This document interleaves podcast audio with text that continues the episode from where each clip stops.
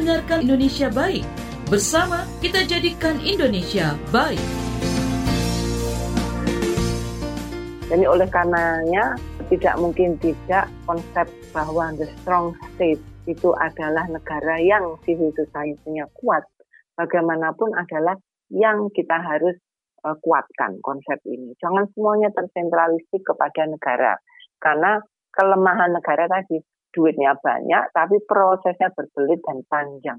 Kalau krisis kan apa yang harus bisa kita lakukan saat ini. Nah, kemarin kita sudah uh, melihat bahwa civil society yang kuat, civil society yang hatinya baik, yang altruistik itu membantu negara dalam hal ini. Jadi bukan negara membantu rakyat ya. Tahap pertama itu ternyata rakyat membantu negara untuk mengatasi krisis ini dengan fleksibilitasnya dan seterusnya.